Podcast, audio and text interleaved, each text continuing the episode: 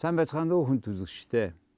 Өнөөдөр манай дефакто нэвтрүүлгийн зочноор Сондра нүдний имлэгийн эмчилгээ эрхэлсэн орлогч захирал Монгол улсын ахлах зэргийн эмч Цингэн Баяр овогтой мөнх заяа оролцож байна.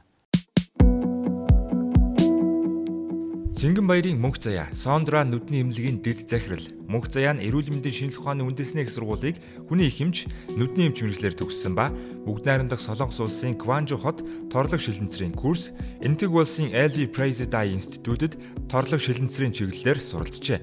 Тэрээр улсын 3 дугаар төв эмнэлэгт тасгийн эрхлэгч нүдний эмч Сондра нүдний эмнэлэгт торлог шилэнцрийн эмчээр ажиллаж байсан бөгөөд Монгол улсад нүдний торлог шилэнцрийн мэс заслаар мэрэгсэн анхны эмч бөгөөд нийт 9000 орчим хүнд нүдний мэс засал хийснээс 1800 гаруйд нь торлог шилэнцрийн мэс заслыг хийж байжээ. Мөнх заяа нь 2013 оноос эрүүл мэндийн спортын яамны дэргэдэх нүдний нарийн мэрэгжлийн салбар зөвлөлийн гишүүн нарийн бичгийн дараагаар ажиллаж байгаа бөгөөд энэ хугацаанд 30 гаруй иргэний болон эрүүгийн хэрэгт шинжээ чимчээр оролцож дүгнэлт гаргасан байна.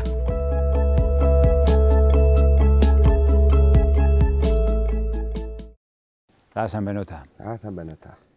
Саяхан Монгол улсад нүдний торлогийн эмчилгээг амжилттай хийлээ. Үнтэй тоног төхөөрөмж тэрийг ашигладаг боллоо гэсэн мэдээ гарсан. Ингээ үүнтэй холбогдуулаад ингээ лавлаад үзэхээр та мөнгө цаяа эмч энэ торлогийн эмчилгээний чиглэлээр энэ тэгт сурсан мөн энд ер нь нилээд олон газраар явж энийг нилээд сурсан гарсан тийм эмчийн нэг юм байна. Бараг анхны эмчний юм байна. Тэгэхээр энэ саяхан болсон тэр үйл явдлын тухай товч ярьж өгөхгүй юу? Яг юу болсон? Тэгэхээр таны асуулт бол э, саяхан улсын нэгдүгээр төвийн эмнэлэг дээр торлогийн мис засал хийх хийж бүрэн тоног төхөөрөмжтэй болсон гэдэг э, сая өнгөрсөн намар гарсан мэдээлэлтэй холбоотой асууж байгаа болов гэж бодож байна. А ер нь бол э, миний хувьд бол Монгол улсын нүд судлалын салбар дотор торлог шилэнцрийн эмчилгээ мис засал хийдэг болсон гэдэг утгаараа бол түүхэндээ нэг 3 4 дэх хүн болж явах юм. Аа зүгээр олон улсын одоо зэрэглэлийн ч юм уу урт удаа хугацааны сургалт хийсэн эхний хүн гэж явах юм. Тэгэхээр 2011 онд Энтгийг улсын Элви Прасад гэж нүдний том институт байдаг. Тэнд торлог шилэнцрийн мис заслын чиглэлээр сургалтанд хамрагдах тийм нөхцөл болцоо надад олдсон юм. Аа тэр нөхцөл болцоо түүхийг тавьчихын дурдвал дизерет гэдэг одоо Монголд байрладаг олон улсын загалмайн шашны хүмүүнлэгийн байгууллагын одоо дэмжлэгтэйгээр би тэр сургалтанд анх явсан юм. Тэгээ тэр улсууд маань ерөнхийдөө манай улсад энэ торлог шилэнцрийн өвчлөлийг эмчлэх мис засал хийх тал дээр хоцрогдолтой байгааг олж мэдээд тэрний дагуу одоо мэрэгжилтийн бэлтгэх тал дээр анхаарал хандуулад тэгэндээс сонгон шалгаруулалтанд оролцож миний бие тэмцэж явсан анх тийм түүхтэй юм байна. Тэгэхээр хоёлаа торлог шилэнцрийн тухай яри яагаад Монгол улс одоо саяхан болтыг хийж чадахгүй байсан. Яхаараа тийм хэцүү юм байдгийн. Ер нь аль зэрэг эрг үргэлж тохиолдож идэгний тухай ярьж өгөхгүй. Тэгэхээр э, хүний нүдний торлог бүрхүүл гэдэг зүйл бол хүний нүдний одоо манайхны хэлдгэр бол нүдний уугт байдаг. Нүд рүү орж ирсэн гэрэл дүрсийг хүлээж авдаг. Гэрлийн долгионыг мэдрэлийн долгион болгож хувиргадаг маш чухал зүйл. Аа телевизээр зөөрлөх юм бол антин нэнэл гэж ойлгоно. За. Тийм. Аа тэгэхээр торлогийн өвчлөл бол аа нүдний салбар дотор нэлээ нарийн төвөгтэй өндөр технологийн оншилгоо эмчилгээ мис засны дандаа өндөр техник технологи ашиглагддаг өртөг зардал өндөртэй салбар учраас манай улсад харьцангуй хожуу хөгжсөн. Ер нь дэлхийн орнуудыг ажиглаад байхад ядуу буурай орнуудад хамгийн сүүлд нь хөгждөг ийм салбар байгаад байгаа юм. Аа. Буурай манай орнд баг хөгжсөн байна гэдэг нь манайд хүмүүс өвчлөлтгүй байх гэсэн үг биш үү? Үгүй үгүй. Манайд өвчлөл бол хангалттай их. Ямар хөө дэлхийн дундчтай харьцуулахад ямар байд?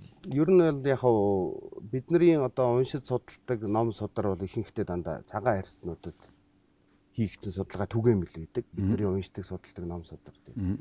Одоо сүүлийн 10 15 жил, сүүлийн 20 жил бол энэ Аз популяцийн нүдний өвчлөл бол тусдаа биеэ даасан генетикийн тархалттай өвчлөлийн байдал нь цагаан арцнуудаас эрс ондоо байдаг гэдэг тал дээр бол Азийн орнуудаас хийсэн судалгаанууд энийг илэрхий тодорхой. Юугаар ондоо байна? Жишээлбэл манад аа насжилтаас хамаарсан шар толбын сөнрөл гэж өвчин байдаг. За. AMD гэд нэрлэдэг. Аа. Тэр өвчлөл жишээлбэл цагаан арцнуудаас генетикийн хувьд өөр өөр байгааг Хятад, Сингапур, Япон, Солонгосын эрдэмтдийн хийсэн генетикийн судалгаа өөр байна гэдгийг нэгдүгээр нотолдог. За. Хоёрдугаар асуудал бол а энэ сүүлийн 20 30 жилийн өндөр миопи гэж бид нэр ярилдаг хасах шил зүүдэг холын харлаган гэдэг тохиолдол жил ирэх тусам маш өндөр хурдтайгаар нэмэгдэж байна гэсэн ийм зүйл харагддаг. Тэгэхээр ер нь Аз дотор тархалт хамгийн өндөртэй орнуудын тоонд Япон улс, Хятад улс, Солонгос улс гэдэг ингээд Азийн орнууд сүүлийн үед нэлийн хүч дүүрэн орж ирж байна гэж судлаач. Манай хямар байна. Холын хараа Манай сүүлийн үед ярьж штэ муудаж байгаа. Тэгэхээр энэ холын хараатаа сүүлийн үед гэдэг чинь сууршил суурийн амьдралтай холбоотойгоор муудаж гин өө хөдөө тал нутгийн хүмүүсийн одоо харьцангуйгаар настай хүмүүс хөдөө энэ төр уулзахаар тал нутагт ялангуяа нүдэн нараа сайн илүү санагдаад байна. Тийм байж болох уу? Энэ бол бүр судалгаагаар нотлогдсон зүйлүүдийн нэг л дээ. Тэгэхээр ерөөсөө энэ э, миопи буюу холын харалган үүсэж байгаа үндсэн гол шалтгааныг бол хотчлт нийгэмшил одоо э, гэж үзээд байгаа. За тэгээ сүүлийн жилүүдэд болохоор энэ э, өнгөт телевизэр аа ухаалаг утас таблетны хэрэглээ гих мэтлэн энэ харааны ачаалал ихсэнтэй холбоотой илэрхий нэмэгдэж байгаа нь судалгаагаар нотлогдчиход байгаа. Жишээлбэл одоо өнгөрсөн жил байна уу да. Японы AMDA гэдэг байгууллагаас хийсэн нэг богино хэмжээний судалгаа би харж байлаа л да. Тэн дээр жишээлбэл сургуулийн баг сургуулийн хүүхдүүдийг Япон Монгол хүүхдүүдийн дунд харьцуулсан судалгаа хийхэд ухаалаг утасны хэрэглээ Монгол хүүхдүүдэд илүү байна. Уртудаа хугацаагаар хэрэгжилж байна. А мөн хараа муудах төвшин Япон хүүхдүүдээс илүү гарч байна гэсэн нэг ийм судалгааны өгүүл харж байлаа. Илүү гар утас хэрэглээд байна гэсэн үг шүү дээ энэ чинь. Тий, ер нь бол яг хүний харааны ажлын зай буюу одоо харах үйл ажил нь за энэ хитрхи ойрын төвшөнд олон цагаар үргэлжлэх нь энэ хараа муудахад бас нөлөөлж байна гэсэн утгатай юм. Тэгэхээр яасан дээр завсарлаад явах уу? Ямар хугацаанд? Ер нь бол яг хүүхдийг бол жишээ нь өдөрт хэрэглэх нийт одоо ухаалаг утасны хэрэглээ 2.5 цаг 230 минутаас ихэхгүй байх хэрэгтэй гэсэн ийм зөвлөм байдаг. За за ингээд их хэцүү энийг сонсож байгаа байх. Ямар ч гэсэн хүүхдээ холын хараатай удаан байлгахыг ивэл өдөрт 2.5 цагаас нийлбэр дөнгөөрөө илүүгүй байхаар.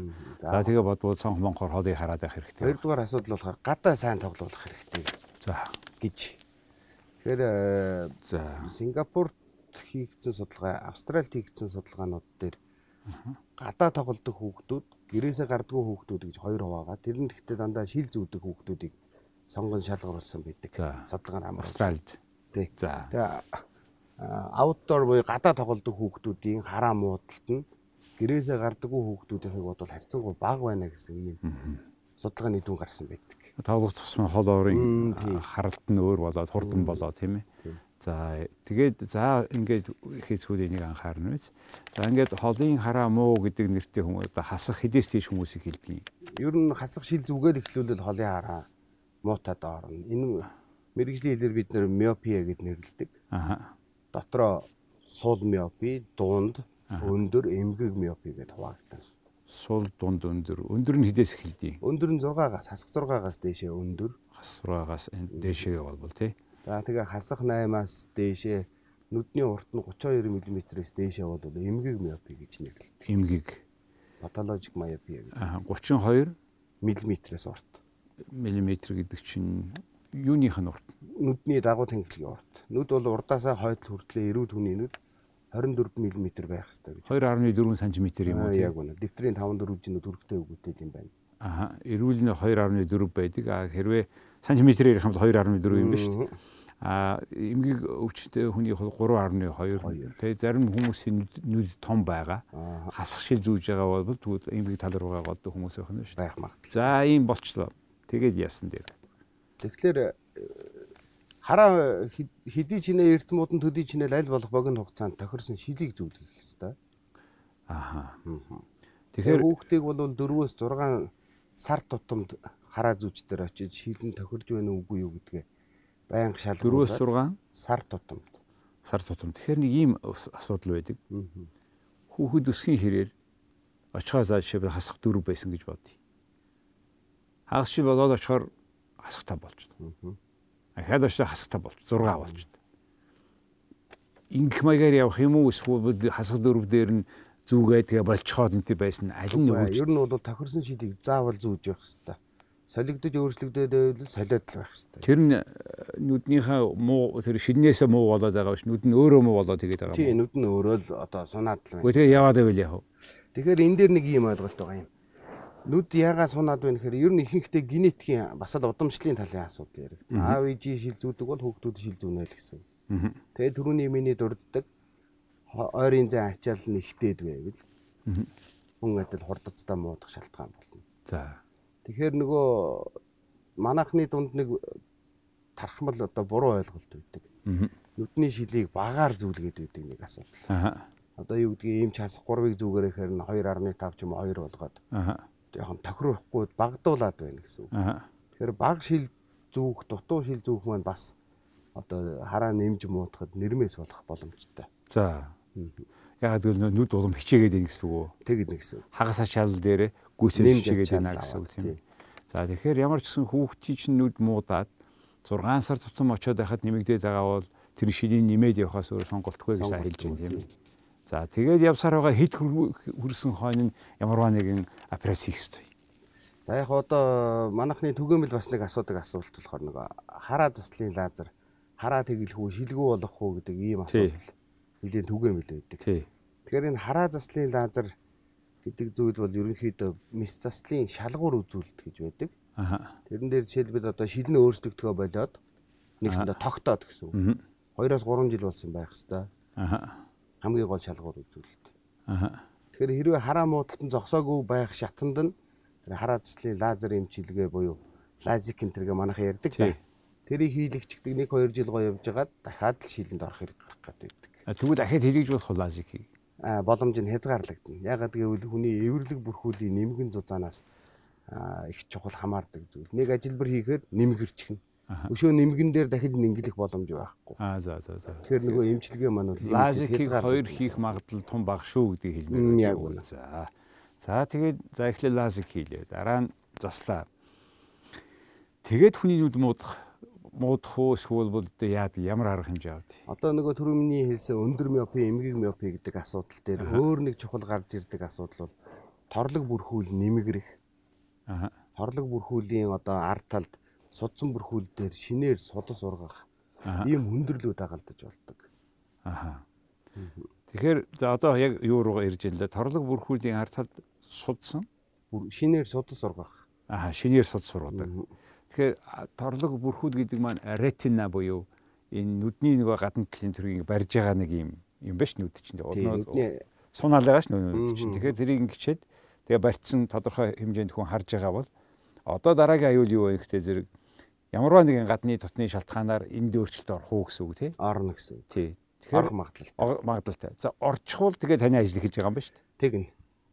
Тэгэхээр тэр дээр үед Америкуудын туршлагыг ингээд үзэхээр дээр үед ретина тэр нөгөө энэ одоо энэ тэр бүрхүүлчин нүднийхэн тэр бөөрөнхийгөөс хохорчт юм ба ш нэг газараараа тийм үү.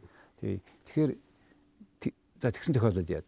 Аа торлог ховхрол гэдэг нь болохоор өөр асуудал. Аа за. Тэгэхээр ер нь торлогийн ховхрол яагаад үүсдэг вэ гэхлээр торлог бүрхүүл маань өөрөө зах хэсгээрээ нэг 0.1 мм хойд одоо төв хэсгээрээ 0.2 мм орчим 0.11 нэг маш нэмэг маш юм биш. нэмэг хайлс. Хайлсан юм биш. Тэ нэг хайлс.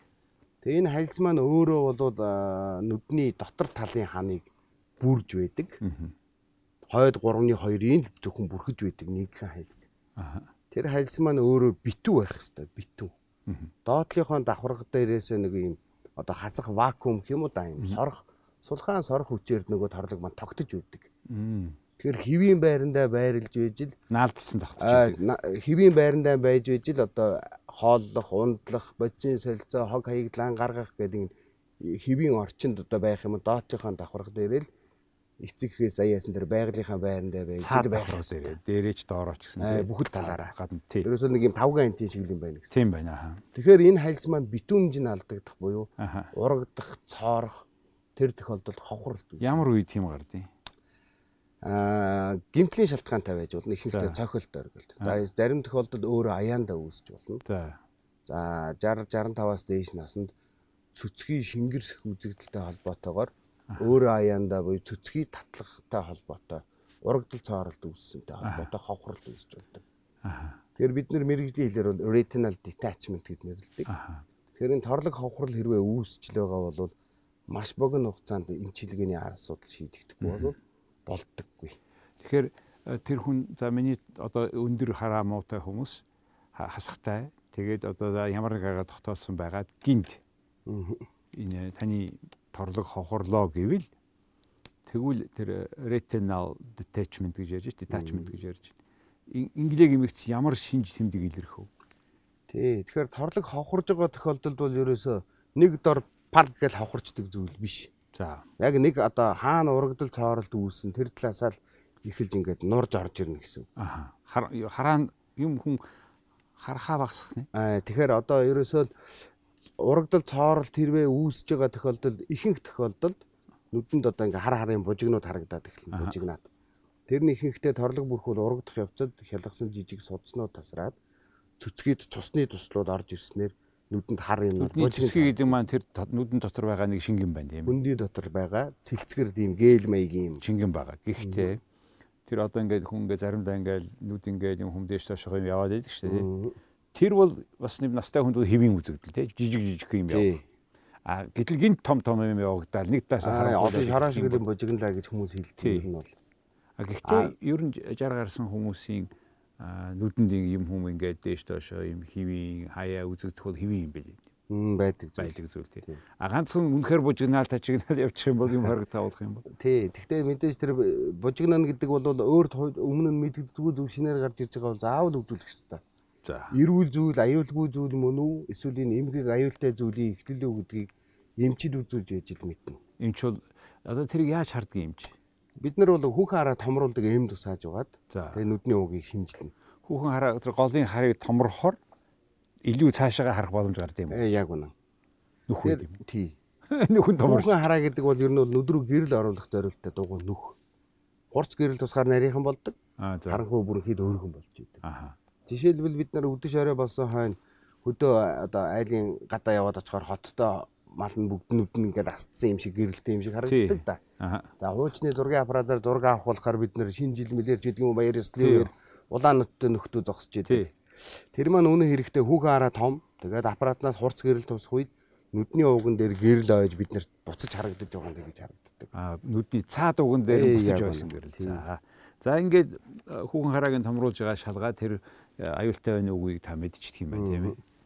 За за тэгээд за аюултай байна гэж үзье. Операц хийх болоо. Хаанаас нь яаж ийд? Тэгэхээр э, за торлог ховхролт ер нь бол дотроо гурван төрөл байдаг. Аха. Татагдлын ховхролт, Аха. шүүдэст ховхролт, урагдлын ховхролт. За. Тэгэхээр урагдлын ховхролт болон татлагын ховхролт бол цэвэр мис заслын заалттай Аха. эмгэг. Physical. Бод Мис э, мис заслаар л тэрийг янзлах боломжтой. бүр Аа, татчихж яг юм байна. За. Хоёр дахь нь хоёр дахь нь болохоор шүүдэст ховхролт. шүүдстэй. Тий. За, юу гэсэн үг юм? нь торлог бүрхүүл нь өөрөө бүтэн. Аха. А доороос нь л эмгэг шингэн хоримтлагдаад хүнд ирчихэж байна гэсэн. Аа, шүүрч орж ирж байгаа нэг юм тий. Тий. За, за тэр тэр тэрийг яа дий? А тэр бол ихэнхдээ үрвсэл төвчний шалтгаантай байдаг. За. Тэгэхээр тэрний их усүрийн шалтгааны засахын тулд өөр арга хэмжээ тий. Им юм. ундраад байгаа эмэйл зогсоохол арга хэмжээ авчвал мис засалгүйгээр тэрийг янзлах боломж. А тэрийг бол та хараа шууд мэдж байгаа. Энэ гурав бол гэдгийг. мэднэ. За. За ингээд тэгвэл нөгөө нөгөө чинь ямарваа нэгэн шалтгаанаар одоо цохиулсан гэж бодогч юм урагдсан гэж бодъё. За тэгэхээр яаж хийдий? Тэгэхээр мис заслыг бол зүгээр энгийнээр хэлбэл энэ аягыг жишээлбэл нүд байлаа гэж бодоход аа гаднаас нь хийнэ гэж нэг арга байна. Тэр бол нүдний гадуур одоо чангалуур тавиад ховхроод байгаа торлогийн нүдийн гаднаас нь одоо шахаад хальс буцаад байранд нь оруулах зорилготой. Энийг бол бид нэр хөвчлэн склерал баклин буюу торлог бүслүүрдэх гэж нэрлэдэг. Энийг хийдэг. Тийм ээ. За. гаднаас нь хийдэг. Энэ арга бол нэлээд олон жилийн өмнөөс хийж байсан. манай Монголын анхны нүдний эмч Нямаа багшийн хийсэн хүн өдр бас байдаг үзүүлж байсан хүн байдаг. За одоо орчин үеийн түгээмэл хийж байгаа арга бол дотроос нь хийх. Нөгөө эмгэг өөрчлөлтөнд орсон цэцгийг нь авч хаяад нөгөө хавхарсан торлог дээр бид нэр багжаар очиод ингээ ойртож ажиллах нөхцөл бүрдэнэ. Аягн дотор нь орно гэсэн үг. Тэгээд энэ дөрөв нь орж байгаа даа. Ээ нүдрүүс нь орно. Нүд нүрүү гаднаас нь ордог. Хажуу талаас нь орд юм уу? Шууд нүднээс орд. Аа за ер нь бол урдаас нь шахууд орно л доо. Яа за. Окей. Тэр хүүхэн харааны тэнд. Үгүй. Одоо энэ нүдний эвэрлэг бүрхүүл дугаа хараас захаас нэг 3 4 мм зайнаас нүдрүүн гэж орж одоо та хөвлийн хөндийн дурангийн мис засал энэ төр цөсмөс авахын тэрийг бол нэг багцаа төсөөлж байгаа. Тэр нэрхүү тусгай юм таркартай хатгаж ороод дотор нь ажиллана гэсэн. За. За тийм юм явагдгийг. Тэгэхээр энийг манайд хийж байгаа. Хийнэ. Тэр бүсүүрэн чангалахыг бас хийдэг. Хийнэ. Энэ бүхэн аль зэрэг цаг хугацаа авдаг. Аа, ер нь бол яг тэр гаднаас нь бүслүүрддэг мис засал бол сүүлийн жилүүдэд дэлхийд даяараа хийхээс ерөнхийдөө баг зэрэг тийм юу хин дэ. Өвдөл зовөр ихтэй байдаг учраас хийхээс аль болохоор татгалзаж багасгаж байна. Аа, багасгаж байгаа. Ямар тохиолдолд хийх вэ гэхээр шинэхэн хохролд. Аха. Тэгээ харьцангуй бага насны залуу хүүхдүүдэд голдуу. Учир юу вэ гэхээр нүд залуу хүний нүд цөцгийн тийм амар авагддаггүй. Аа. Цаа торлог бүрхүүлтэйгээ илүү нягтнаалдсан байдаг. Тэрийг авах гэж оролдоод нэмэлт гэмтэл учруулж болчихсон учраас хойноос гаднаас нь хойтлоос нь шахаж ягаад наалдаж тэгж тий. За тэгээд энэ тэгээд бүсүүрийг багасгацсан. Одоо дараа нь та хоёр дахь арга нь илүү дотроос нь шахаж хүрэх гээд шүү дээ тийм үү? Тэр хүргэх тэр энэ бүх операц энэ тусгай тооног төхөөрөмж шаарддаг тэр нь Монгол байгаа юм байна. Байна.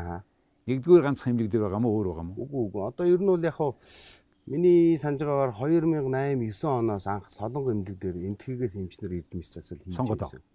Биш солонго. Солонго за. Мм энтхийг эмчнэр ирж хийж байсан. 2009 оноос. Тий 8 9 оноос. За.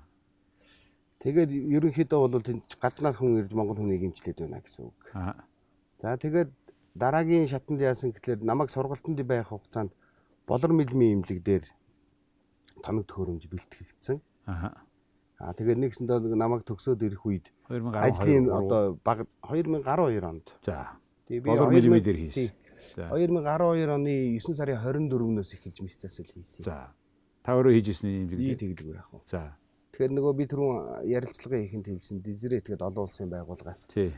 Тэнд төсөл явуулаад Америкаас 7-7 хоногийн хугацаатай 3 эмч ирээд за энэ төгсөж ирсэн хүнийг нутагшуулах одоо ажил явагдсан байх нь тоног төхөөрөмж. Ээ тоног төхөөрөмж. Ер нь яг энэ торлогийн мис засал хийхэд амин чухал хэрэгтэй хэд хэдэн багаж тоног төхөөрөмж зайлшгүй байх хэрэгтэй. Иж бүрэн тоног төхөөрөмж. Нэгдүгээр сайн микроскоп байх хэрэгтэй. Хоёрдугаарт витректоми машин буюу нөгөө цөцгийг сорулдаг өндөр технологийн хурдаар ажилдаг тусгай машин хэрэгтэй. За мис заслыг хийхэд нүдний хөндөй дотор тусгай одоо торлог бүрхүүд хор багтайж гэдэг юм тусгай гэрлийн их үсэр гэрэл хүнийг ухаалдууч хийж байгаа шүү. Үгүй. Тэгэл нүүрэн бүтээлэгтээ сонсоол байж юм. За. Гэрэлтүүлгийн их үсэр тэгээд лазерын машин гэдэг ийм зүйлүүд наад зах. Энэ бол манайд байгаа юм. Байгаа. Тэгэхээр мөн энийг сая улсын нэгдсэн нэгдүгээр эмнэлэг дээр хийдэг боллоо тийм ээ. Тий, нэгдүгээр эмнэлэг. Хоёр гуравт нь бий юу? Ер нь бол ийм л дээ. Эхлээд солонго эмнэлэг дээр, дараа нь болор мэлмийн эмнэлэг дээр, орбита эмнэлэг дээр, за дараа нь сондра эмнэлэг дээр. Тэгээд одоо ихний лхсын их хүүхдийн эрүүл мэндийн үндэсний төв дээр нэг төхөөрөмж байгаа. Зарим багц тоног төхөөрөмж дутаа учраас мис заслаараа эхлэгдээгүй. За. Тэгээд нэгдүгээр эмнэлэг дээр. За. За. За одоогоор нэгдүгээр эмнэлэгт байгаа юм байна. Тэгээд улсын 3 дугаар төв эмнэлэг дээр байгаа. 3-т бас байгаа. Яад асууж гэхдээ хөдөөний хүмүүс Улаанбаатар дээр эмчтүүдийг яг ийм нарийн юугаар.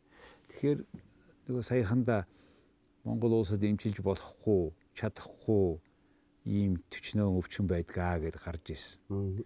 Та бүхний хүчин чармаалтаар та оролцсон ялангуяа санаачлаад явсан байлээ. Өшөө 2 3 эмч байна лээ. Тэгээд энэний нэрсэг нилээд хэсгийг багсгацсан юм байл. Тэгсэн. Тэр ямар ямар өвчин эмнэгийг эмгэгийг Монгол эмчилж чадахгүй юмыг та бүхэн эмчилдэг болгоо. Тэгэхээр ер нь бол 2013 оны 8 дугаар сард гарсан эрүүл мэндийн сайдын тушаалаар Монгол улсад эмчлэх боломжгүй өвчний жигсаалт гэж байдаг. Тэр жигсаалтнаас манай нүднээс 3 бүлэг өвчин байснаас 2 нь хасагдсан. Тэгэхээр тэр бүлэг өвчин гэдгийг та ер нь бол торлог шилэнцрийн өвчлөлөхээр маш олон өвч орно. Аа. Үлгээр нь хасна гэдэг бол их том ажил л да. За хоёрыг нь хаснаа гэж. За тэгэхээр э, жишээ нь минь за зүгээр та хэрвээ мэдж байгаа бол за ийм өвчнөд хүн гадагшаага явлаа гэхэд хятадд ямар чад болдго юм уу? Ямар үнэтэй байдгийг, Солонгос ямар үнэтэй байдгийг ойролцоогоо. За хятад нэг Монгол төгрөгөөр бодоход 10 хэдэн сая төгрөг гарлаа гэж хүмүүс ярьдаг юм. Аа. Тий.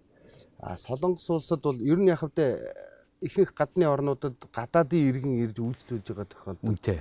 Хил Даатгалгүй. нэвтрэхгүй гэдэг үүднээсээ ихэнхдээ дандаа одоо ерөнхий унтуулгатай мэс засал санал болгодог. За. Тэгэхээр ерөнхий унтуулга гэдэг бол бидний хэлдгээр нөгөө наркоцтой гэж ярьдаг. Тэр наркозны зардал бол гадаад орнд их өндөр үнэтэй. Бараг биссласаа дутгааргүй өндөр өртөгтэй байдаг. Аа. Тэгээ ер нь бол яг хав солонгос улсад мис засал хийлгээд ирсэн гээд би хэд хэдэн над дээр хянуулдаг хүмүүс бий л дээ.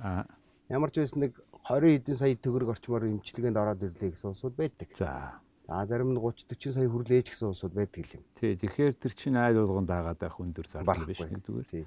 За тэгээ Монголд байныг гэхээр нөгөө юу даатгал маатгал чи яаж ажилдгийг? Тийм. Тэгэхээр ер нь бол яг улсын 3 дугаар төв эмнэлэг, 1 дугаар төв эмнэлэг хоёр дээр өндөр өртөгт мис заслын үйлчилгээ гэдэг зүйл явж байгаа. За. За яг энэ торлог шилэнцрийн мис засал дээр бол миний санаж байгаагаар одоо туршилтын үеийн дуусч гэнэ үү яаж? Аа. Цаанаас нь тодорхой санхүүжилт өгөөд. Тэр санхүүжилтийн дотор л баригдаж хийх ёстой болчих гээд байдаг. За. Төрөний миний дурддаг нөгөө өндөр өртөгтэй технологийн багж маань За. заавал одоо юу гэдэг машинд бензин хийж ажилдагтай адилхан тэр машиныг ажилуулдаг нэг удаагийн саплай хэрэгслүүд үүдэг. За за за. Гол асуудал нь тэр саплай Тэгэхээр нэг 3 дугаар эмнэлэг дээр нэг тодорхой өндрийн өндөрчгсөн тодорхой лимит багтаагаад хий гэдэг тийм. Тэр таны ажилдаг тэр сорхон, сондра, болор мэлмийн тэгтгүй хамаагүй байгаа үстэй. хамаагүй. Тэр чи өөрийнхөө хийгээд үнэн эднээс өндөр байдаг. Иргэд өөрсдөө төлөөдөл явж Ер нь ойролцоо харьцангуй ямар үнэтэй бол. Би одоо яг нарийн тоо мэдэхгүй байна. Өндөр өртөгтөр одоо нэг 3 дугаар эмнэлэг дээр ямар үнэ өртгөөр иргэд даатгалаар хэдэн хувь нь хөнгөлж байгаа талаар бол мэдээлэл бага байна л да. Аа. Тэгэл 10 сая болохгүй байх. Хүрхгүй хүрхгүй. Тийм ээ. Тий. Тийм. Одоо яг хөө зүгээр болор мэлмийн эмнэлэг, орбита эмнэлэг, сондра эмнэлэг гур бол яг ижил тоног төхөөрөмжтэй. Аа. Нэг машинтай гэсэн үг. Аа. Тэгэхээр энэ гурван эмнэлгийн мэс заслын өртөг зардал ерөнхийдөө ижилхэн. Аа. Тий. За. за. Жишээлбэл торлог хохролт болоод э, мэс засалд орж байгаа тохиолдолд дунджаар 3.5 сая төгрөгийн үнэтэй хийгддэг. За зөвхөн ямар ч гэсэн 10 сая биш юм байна тий. Тэгээд энэ нутагта тэгээд ч энэ Америк эмчнэр ярихдаа энэ ретина энэ detachment болцсон ийм хүмүүс эмчсэний дараа ялангуяа хий шахсны дараа дотор нь янз бүрийн нөгөө нүдний дотор талын шингэнийг авж байгаа өөр хий шахчт юм байна тийм үү. Тэрийг буцаагаад авах хэрэгтэйгүй. А нөгөө мэс засал гэдэг зүйлийг одоо дотроос нь хийж байгаа тохиолдолд тэр торлог заавал энэнд урагцсан цоорсон байх ёстой гэж би хэлсэн дээ. Тэр урагцсан цоорсон зүйл маань өөрөө ургадаггүй. Ямар нэг юмар тэрийг эргэж бөглөдөггүй учраас хэвийн байранд нь оруулж байгаа доотлынх нь давхрахтаа тойруулаад лазерын туяагаар ингээд түлээд одоо энгийнээр ойлгол гагнаас хийчихэж байгаа юм. Цаад биетийн. цаад талтай нэвт. Тэгэхээр нөгөө гагнас гэдэг зүйл маань хүний өөрийн биологийн сорив болж ижил одоо тэнд барьцилтад тогтно гэж ойлгоно. Тий. А тэр сорвжих э, асуудал бол ерөнхийдөө 2-оос 3-7 хоног болдог. Тэгэхээр хүний нүд өөрөө их усрахыг хэрэгтэй. Тэгэхээр нөгөө монголчууд ярьдаг ус нүдтэй гэж ярьдаг тийм ээ. Тэр усрахыг байна гэдэг маань цоорхоо гагнаас тогтгоос өмнө дахиад ус орвол дахиад хавгарна гэсэн үг. Тэгэхээр тэрийг гагнаас тогттол уснаас тусгаарлаж байхын тулд нүдний хөндөй дотор тусгай хий шахах эсвэл тусгай силикон нь тос шахах гэсэн ийм хоёр үндсэн арга байдаг.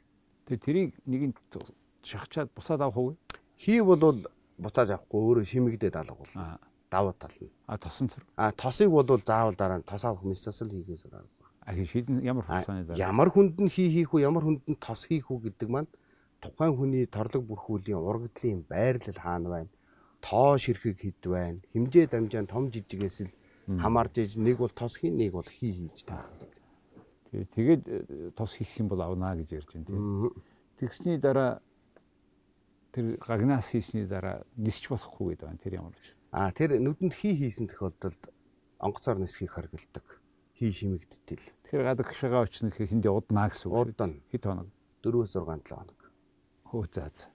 За би мэдээж энэ нарийн юм юмыг танаа эмнэлэг дээр энэ тухай бол олон сонсч ирсэн. Гэхдээ саяхан мэдээгээр тэр манай улсын нэгдсэн нэгдүгээр эмнэлэг дээр ийм төв гараа та нар өөрсдөө очоод энийг хийдэг юм чи нар тийм ч олон биш юм байна шүү дээ. Монгол хэд хэдэн хүн байд энийг хийдэг. Одоо ер нь бол яг албан ёсны сургалт дүүргэсэн 8 9 ч хүн болж байгаа байна.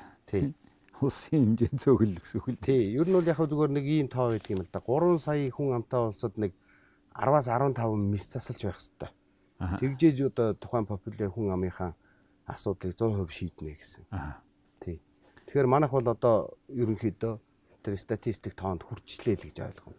За. Аа зүгээр ер нь бол ямар ч одоо мис засал хийдэг машин байлаа гэхэд тэрийг ер нь зүгээр энгийнээр хэлэхэд л машиныг жолоодно гэдэг нь л өөр жолоочоос их юм хамаарна л да. Үгүй инженеэр барахгүй хамгийн чухал нэр жолооч нөө.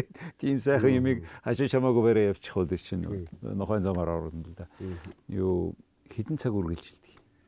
Мис засал ер нь нэг нэг цагаас 4 5 цагч хүртэл 6 цагч үргэлжлэх тохиолдол бий. За та олон хүнд хийсэн үү? Ер нь миний хийсэн мис засал хийсэн зөвхөн торлог шилэнцэрийн мис засал хийсэн тоо нэг 1600 орчим болж байгаа баг. 1600 хүнийг нүдийн гэрэлгээгээд амьдралын гэрэлгээгээд болгосон байна л да.